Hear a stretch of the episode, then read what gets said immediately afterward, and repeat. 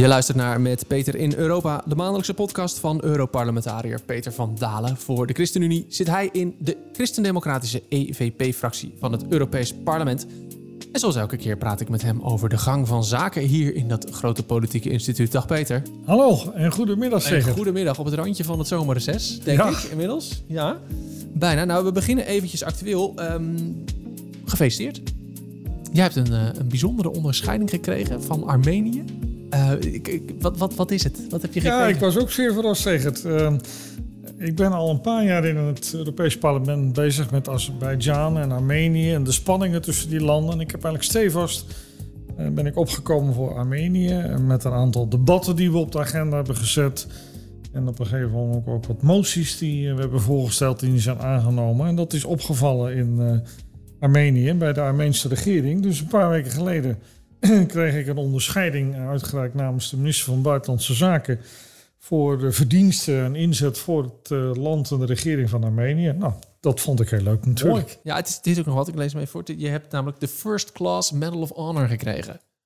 Wauw. Joh, gaan we nou niet vragen naar de onderscheidingen en of er ook nog een second of een third class bestaat, dat weet ik niet. Maar het was een eh, mooie happening met de ambassadeur die een uitgebreide speech had. En eh, nou, we hebben ook wat toekomstige plannen gemaakt met elkaar. Dus, eh, maar mooi, Ja, leuk. mooi. En wa- waarom Armenië? Wat, wat is dat voor jou? Hè? Ja, nou kijk, Armenië zit aan de ene kant klem eh, tussen Azerbeidzjan, dat een vrij agressieve politiek voert om delen van Armenië en van Nagorno-Karabakh in te pikken. En aan de andere kant Rusland, wat daar de vrede een beetje moet bewaken, maar wat daar weinig aan doet. En toch ook, ja, Armenië is een land wat mij aan het hart ligt. Eh, wat mij aanspreekt is een christelijke cultuur. En juist allerlei kerken en oude christelijke begraafplaatsen zijn de afgelopen jaren vernietigd door eh, mensen uit Azerbeidzjan. Dus dat is voor mij nog een extra dimensie om Ja. ja. Ja, warme gevoelens hebben voor Armenië. Ja, mooi. Mooi. En nieuwe plannen gemaakt dus al. Je hebt wel dingen besproken voor de toekomst. Ja, dat klopt. Eh, met de ambassadeur en met een aantal mensen van het ministerie. Eh, ik denk misschien nog wel een reis in het najaar naar Armenië met een aantal collega's.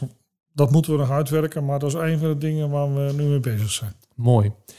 Dan het thema van vandaag. Ehm, jij hoort het misschien ook wel eens, eh, Peter. Het is allemaal de schuld van Europa. Toch? Hoor je dat wel eens? Krijg je die wel eens naar je hoofd? Eh, Brussel heeft het gedaan. Brussel heeft het gedaan. Brussel. Dat bedoel ik. Ja, Alsof ja, ja. dat ergens op een planeet ligt en dat dat af en toe iets naar beneden laat vallen. Dat is natuurlijk absoluut Nee. niet zo. In Brussel zijn we allemaal. Eh, ook deze week zijn er nog volop vergaderingen in Brussel gaande, waar alle landen aan deelnemen. Dus het, wij zijn daar zelf bij betrokken. Maar het is wel zo dat eh, de bevoegdheden van de Europese Unie die verschillen. Op sommige terreinen heeft de Europese Unie gewoon nul bevoegdheden. Op andere terreinen is het een beetje ertussenin, is het een ingewikkelde mix. En er zijn terreinen waarbij de Europese Unie echt eh, exclusieve zeggenschap heeft, zoals we het noemen. Dus ja, je Ja. kan altijd wel eh, zeggen van, oh, Brussel heeft Het is allemaal de gedaan. schuld van Brussel. Maar dat is dus niet zo. Juist. En dat is nou precies waar we het vandaag over gaan hebben. Want waar gaat de EU nou wel of niet over? Ik, ik heb een paar thema's gepakt. Ik heb ze onderverdeeld in drie kopjes. Jij noemde ze al een beetje. Eh, het ene is, eh, hier gaat de EU wel over. En daar merk je misschien ook wel wat van in je dagelijks leven. Twee, hier gaat de EU duidelijk niet over.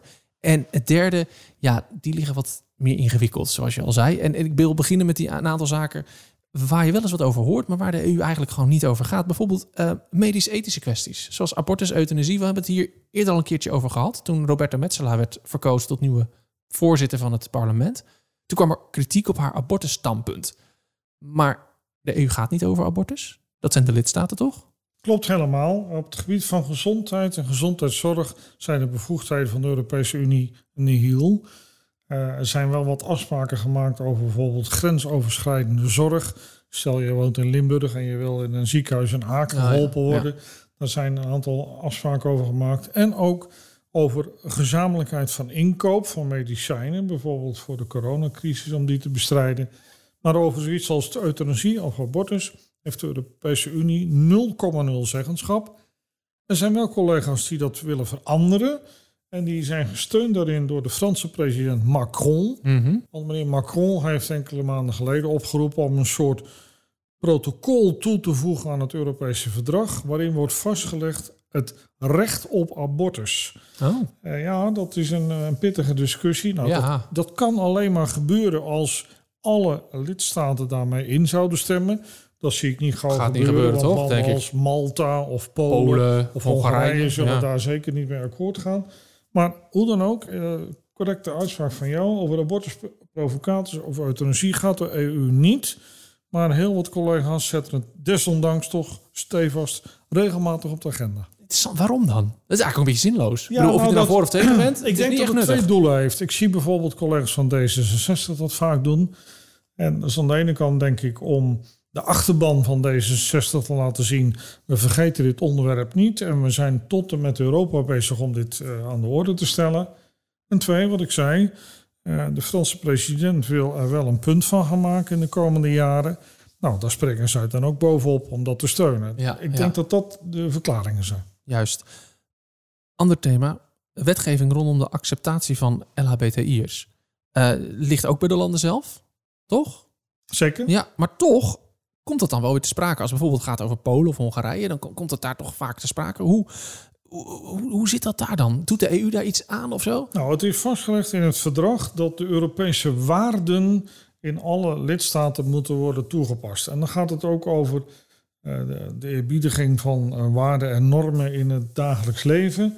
Nou, daar hoort ook bij eh, de, de omgang eh, voor de LHBTI-gemeenschap.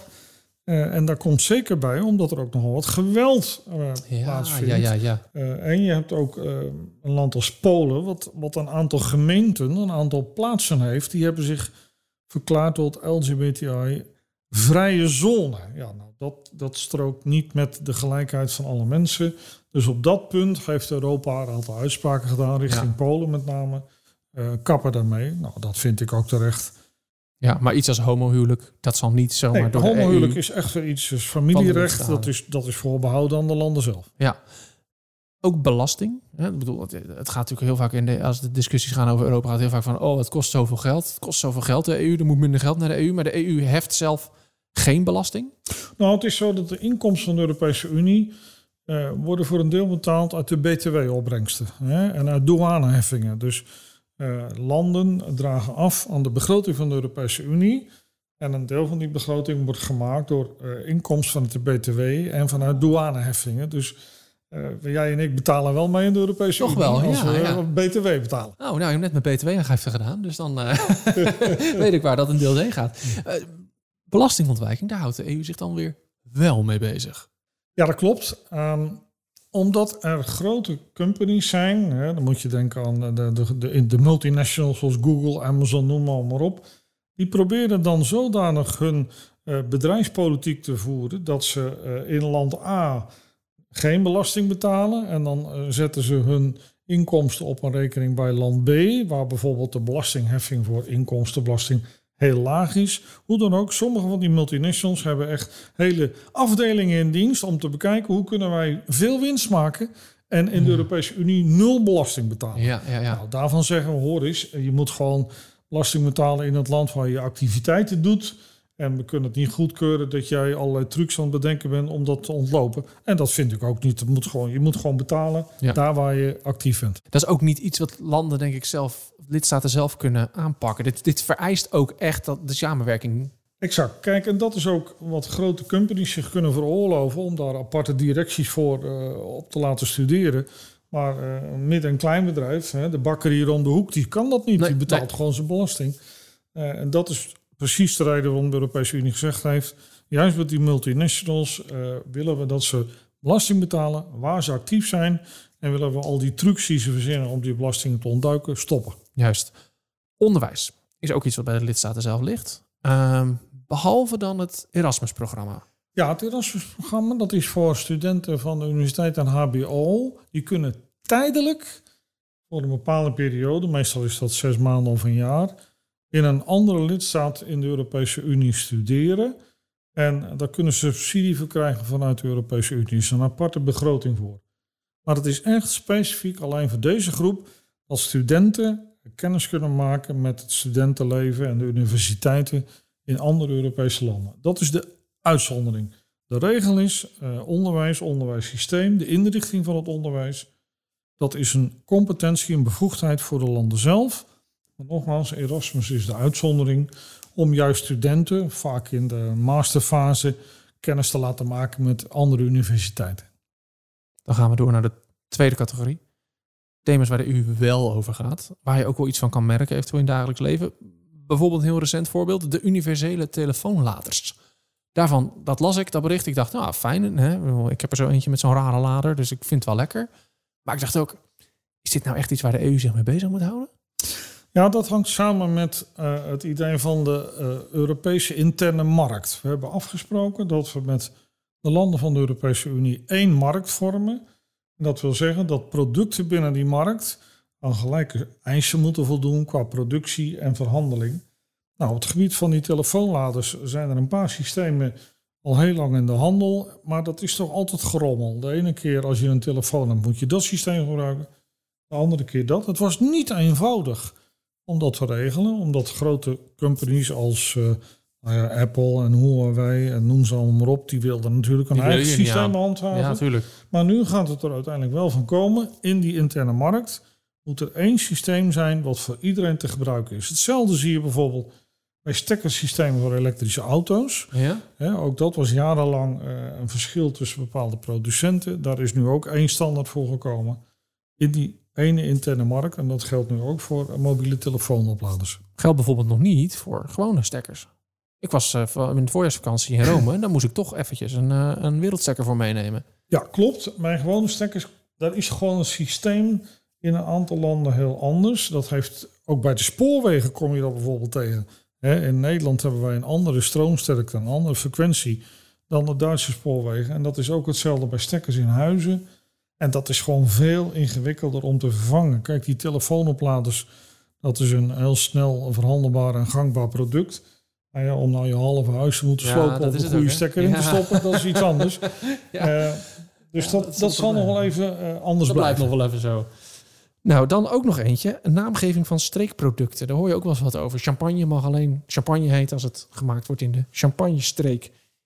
Ook wel een beetje een thema van ik denk... waarom is de EU hier nou mee bezig? Wat, wat, is dat? Ja, dat heeft te maken met wat we dan noemen de bescherming van het intellectueel eigendom. Laat ik denken aan de Griekse feta-kaas. Dat is een kaas die op een bijzondere manier wordt gemaakt van uh, Griekse melk via een oud recept. Uh, en uh, het was rond het jaar 2000 dat Griekenland de methode van die kaas en de producten van die kaas heeft beschermd tot bestempeld tot intellectueel eigendom. En dat is ook erkend door uh, het Octrooi-instituut van de Europese Unie. Vertekaas is spul uit Griekenland met die en die componenten, volgens die en die manier gemaakt. Nou, er zijn allerlei bedrijven, ook buiten de Griekenland, die daarin gedoken zijn. Uh, in, in, Denemarken met name. En op een gegeven moment hebben toen de Grieken gezegd: Hoor eens, wij hebben dit zo vastgelegd. Die, die kaas moet er zo uitzien. Dus komt uit ons land volgens dat proces. En toen zijn ze naar het Europese Hof van Justitie gegaan. En het Europese Hof van Justitie heeft de Grieken gelijk gegeven. En gezegd, je mag alleen maar de naam Feta gebruiken als je aan die en die eisen voldoet. Die al rond 2002 zijn vastgelegd uh, als een octrooi, een intellectueel beschermd eigendom. En dat geldt voor een hele reeks producten. Uh, verschillende soorten dranken. Um, dus ja, dat is iets zeg maar een soort patent Ja. uh, op een bepaald product. Daar komt het eigenlijk op neer. Een soort een beetje een soort borging van bepaalde kwaliteitseisen. Dat je weet, als ik, als ik een pakje feta koop in de supermarkt, dan is dat altijd die goede feta die goed geproduceerd is in Griekenland. Ja, dat is één. Dat is het belangrijkste. Een borging van kwaliteit. Maar natuurlijk ook voor Griekenland zelf. Dit is voor hen een belangrijk exportproduct. Ja, ja. En ze willen natuurlijk niet dat dat onderuit gehaald wordt door allerlei andere lieden die roepen: hier heb je feta, terwijl het dat eigenlijk niet is. Dan dat laatste, de ingewikkelde thema's. En dan beginnen we eentje die we wel eens vaker behandeld hebben in de podcast, de visserij. Voor een deel maakt de EU-regelgeving, voor een deel de lidstaten. Waar ligt die grens? Waar, waar zit die scheiding? Ja, de Europese Unie maakt uh, het uh, gemeenschappelijk visserijbeleid. En dat is visserijbeleid op de wateren van de Europese Unie, uh, waar ook iedereen terecht kan. Dus de, de zeeën, de Noordzee, de Middellandse Zee, de grote gebieden waar gevist wordt, daar is een gemeenschappelijk beleid voor afgestemd. met als bedoeling ehm, dat met name die visbestanden niet eh, worden opgehaald en dat die zeeën niet worden leeggevist. Maar er zijn afgesloten wateren eh, waar het nationaal beleid geldt. Dat is bijvoorbeeld, om eens een voorbeeld te geven, in Italië zijn dat een aantal meren, zoals het Gardameer. Ja, daar vist alleen maar een bepaalde groep vissers. En in I- Nederland, IJsselmeer? Nederland is dat inderdaad het IJsselmeer. Ja, ook daar komen geen buitenlanders. Dat zijn eh vissers uit Nederland. Het zal nog wel interessant zijn eh, wat er gaat gebeuren als er ook een Deen daar aan de deur zou kloppen en zegt: Ik wil hier ook gaan vissen. ja. Maar eh, dat zijn toch eh, afgesloten wateren en daar geldt de bevoegdheid van een land zelf. Ja. Maar op de zeeën waar iedereen kan komen, daar geldt, daar is het de Europese Unie die het beleid bepaalt. En bijvoorbeeld Den Haag ja, moet dan dat beleid invullen. Er Ja. is wel enige speelruimte, maar die is niet erg groot. En stel je wil wat gaan afwijken, ja, dan moet je dat melden bij de Europese Commissie. En dan moet je je maar afvragen, gaat de commissie daarmee akkoord? Want de commissie is bevoegd en eh, heeft ook de, de, de kwaliteit en de rechtsmacht om te zeggen, op de Noordzee zijn wij het die het bepalen. Juist. Je zei het even als een soort bijzinnetje, maar wat gebeurt er eigenlijk als er een Deen eh, bij het, eh, op het IJsselmeer gaat vissen? Ja, stel dat er een Deen zou zeggen, wij gaan op het IJsselmeer vissen, dan zou die moeten voldoen aan alle eisen die op het IJsselmeer gelden. In de eerste plaats betekent dat dan dat hij een Nederlandse vlag zal moeten gaan voeren, want dat is een Nederlands water. Nou, dat lijkt hem al erg ingewikkeld. En twee, ja, zo iemand moet dan ook daar min of meer permanent zijn. Je moet er dan gaan wonen. Eh, nou, dat lijkt, hem- Effectief, dat dus lijkt me zo'n grote verandering. Dan kun je Ja, beter dat- worden. Ik wou zeggen, dan kun je beter inderdaad ook echt hier gaan wonen. Ja. Eh, dat zal niet zo snel gebeuren. Eh, ook heel actueel, energie. Ja, dan horen we, er gaat geen dag voorbij of we horen iets over de energieprijzen. Eh, wat bepaalt de EU hierin? Kijk, als het over energie gaat, hebben we twee dingen. We hebben in de eerste plaats de, de klimaatdoelstellingen. Nou, d- d- er is niks zo grensoverschrijdends als het klimaat. Hè? Ja. Eh, vervuiling, maar ook veranderingen in het klimaat, temperatuurswijzigingen. Dat kun je niet als Nederland alleen regelen, dat moet je in Europa doen. Dat hebben wij ook in ons verkiezingsprogramma echt vastgelegd als een topic. Als er iets is wat Europa moet regelen, dan is het klimaat. Nou, dat spreekt voor zich. Maar dan, eh, als het gaat over energie in de tweede plaats, ja, hoe doe je dat nou met je toekomst van je gas of je kolen of je, je kerncentrales? Nou, daarover is eigenlijk een soort mengsel. Eh, In die klimaatdoelstelling is afgesproken, we moeten af van fossiel, dus we moeten af van kolen en gas. Eh, maar tegelijkertijd, door de historie van eh, hoe landen hebben geopereerd, blijf je nog wel verschillen zien. Neem nou bijvoorbeeld Frankrijk. Dat heeft echt een hele sterke positie op nucleair gebied. Duitsland heeft eh, een positie waarbij ze kolencentrales hebben uitgeschakeld en veel naar windturbines en andere vernieuwbare vormen van energie gaan. Ja, daar kun je natuurlijk niet van vandaag op morgen zeggen: Frankrijk, wegwezen met die kerncentrales. Ja, ja, en, ja. En, en Duitsland, kom maar weer terug met eh, nou, bijvoorbeeld gascentrales. Dus in die energiemix zijn er dan vaak overgangstermijnen voorzien. En dat is zeker nu actueel. Hè, want eh, rondom de oorlog in Oekraïne hebben we gewoon nog een langere tijd eh, gas nodig bijvoorbeeld. Dus daar ligt het eh, gemengd. De landen bepalen dat uiteindelijk zelf.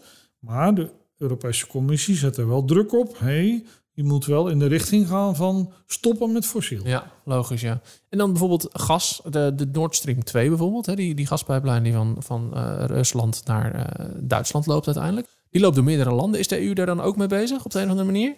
Bij Nord Stream 2, de gaspijplijn van Rusland naar Noord-Duitsland, is het zo dat dat is een aantal private partijen geweest. Die hebben een concessie aangevraagd aan de Duitse regering om daar die pijplijn te mogen aanleggen. En de Duitse regering heeft het ook altijd zo benoemd. Het is, zijn private partijen die investeren in een pijplijn. Waarom zouden we er tegen zijn? Ik heb al jaren, hè, dat is niet alleen nu, en dat kun je opzoeken. Ik denk al wel vier jaar geleden gezegd. De aanleg van Nord Stream 2 is de, de grootste geostrategische blunder van de eeuw. Want wat doe je, zeker als Duitsland? Je maakt je volledig afhankelijk van Ja. Russisch gas. En als een Rus op een gegeven moment zegt, nou, eh, het bevalt ons niet wat Duitsland doet, we draaien die kraan dicht, dan hang je. Nou, dat zien we dus nu ook. Maar de Duitse regering heeft altijd gezegd, Eh, we hebben die concessie verleend, want een aantal eh, private partijen wilden zo'n pijp bouwen. Nou, Ja. prima. Maar daar heeft de EU verder dan geen invloed op zo. Die kan Nee, er niks daar over heeft de Europese doen. Unie geen invloed Nee, op. nee. Dat, eh, en, en toen speelde ook de hele kwestie van de Green Deal en de klimaat nog niet. Ik geloof dat het contract voor die Stream 2 werd getekend in 2011 of zo. Ah, ja, ja. Hè, toen was dat allemaal nog wat minder actueel. En dan het, het, het buitenlandbeleid. E- Eerst maar eens even beginnen. Hoe definiëren we het buitenland in dit geval? Ja, belangrijk. Eh, dat is alles buiten de Europese Unie. Hè. De Europese Unie is binnenland. Dat is het terrein waarbinnen we werken. En alles daarbuiten, dus dat is bijvoorbeeld al een land als Engeland. Ja, tegenwoordig wel. Dat ja. is buitenland.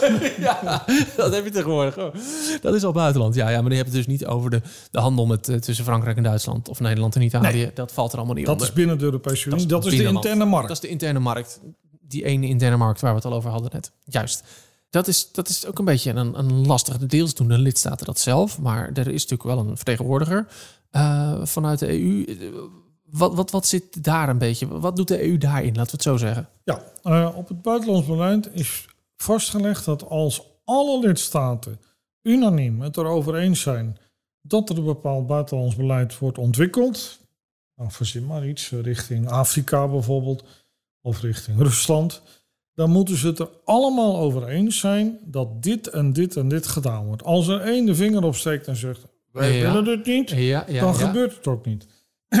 maar dat wordt steeds ingewikkelder. Want je ziet inderdaad, zeker nu vanwege de oorlog in de Oekraïne, dat bepaalde landen, Hongarije voorop, regelmatig dwars liggen. Hè, want ze willen toch Russisch gas blijven importeren. En daarom hebben wij ook in ons verkiezingsprogramma gezegd, dan moeten we vanaf van die unanimiteitshuis. Want dan is er één die alles kan tegenhouden. En wij hebben gezegd, nou dan moet je naar een soort meerderheidssystematiek toe. Misschien zelfs nog met gewichtjes erin. Dat je, dat je bepaalde besluiten moet twee derde genomen worden en andere drie kwart. Ja. Maar hoe dan ook, dat er een meerderheidsbesluitvorming komt. En niet dat één of twee landen nu in die hele oorlogssituatie ook de boel eh, kunnen eh, blokkeren. Ja, ja want dat, het maakt het bijna onwerkbaar. Ook omdat de EU... eh, ja, de kans zit er dik in dat, dat, dat er nog meer landen zich gaan aansluiten. Dan wordt het nog allemaal nog ingewikkelder uiteindelijk.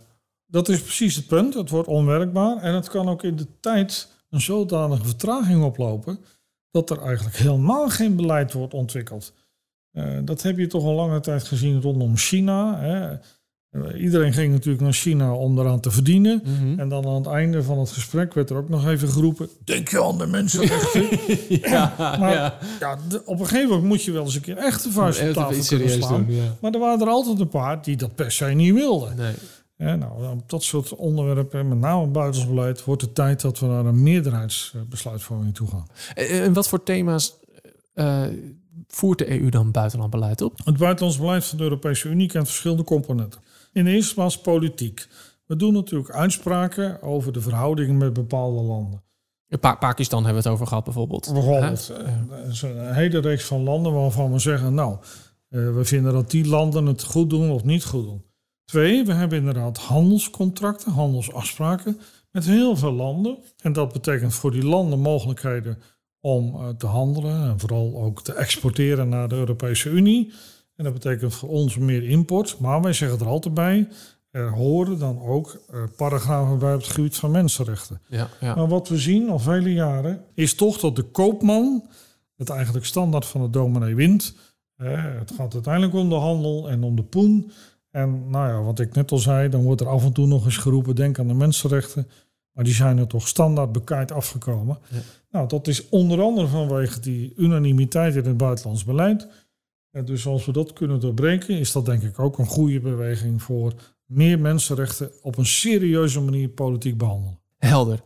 We zijn eruit. Het zomerreces mag beginnen. Wat ik me nog wel afvroeg, als een soort slotvraag. Eh, de Tweede Kamer die wordt natuurlijk wel bij grote, grote gebeurtenissen... wordt de Tweede Kamer soms teruggeroepen van reces. Hè, dat kan soms gebeuren bij, bij, bij een grote ramp, een, een oorlog, iets. Dan, dan wordt de Kamer teruggeroepen voor een debat. Wordt het Europees Parlement wel eens teruggeroepen van reces in de zomer? Nee, ik kan me niet herinneren dat ik dat ooit heb meegemaakt. Ik ken ook het voorbeeld niet. Maar wij hebben wel een, een super fast track methode. Eh, en die zit als volgt in elkaar. Als we echt snel een besluit moeten nemen over een urgente kwestie. Bijvoorbeeld in zaken de oorlog van Oekraïne. Eh, dat hebben we afgelopen voorjaar al verschillende keren gedaan.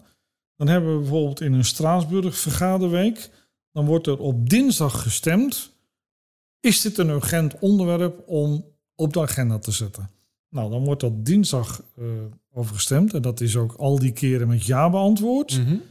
En dan wordt er vervolgens op donderdag al het finale besluit genomen. Zo. Dus twee dagen daarna, bam, besluit genomen. eh, alles is geregeld en staat vast.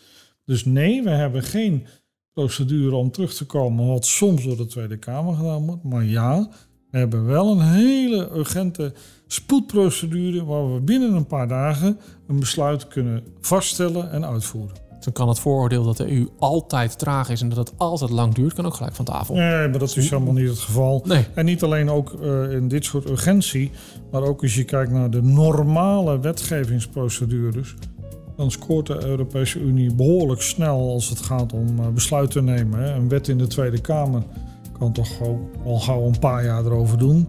Nou, bij ons kan het ook wel eh, één of twee jaar gebeuren. Dus wij zijn zeker niet langzamer, absoluut niet. Helder. Dan eh, rest mij niks anders dan jou een mooie zomer te wensen. Dan gaan wij eh, na de zomer weer eens een keertje verder. Same to you.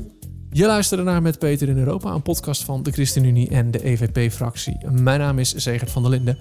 Na de zomer verschijnen er weer nieuwe afleveringen van de podcast. Wil jij als eerste op de hoogte zijn van die afleveringen? Abonneer je dan op de podcast in je favoriete podcast-app.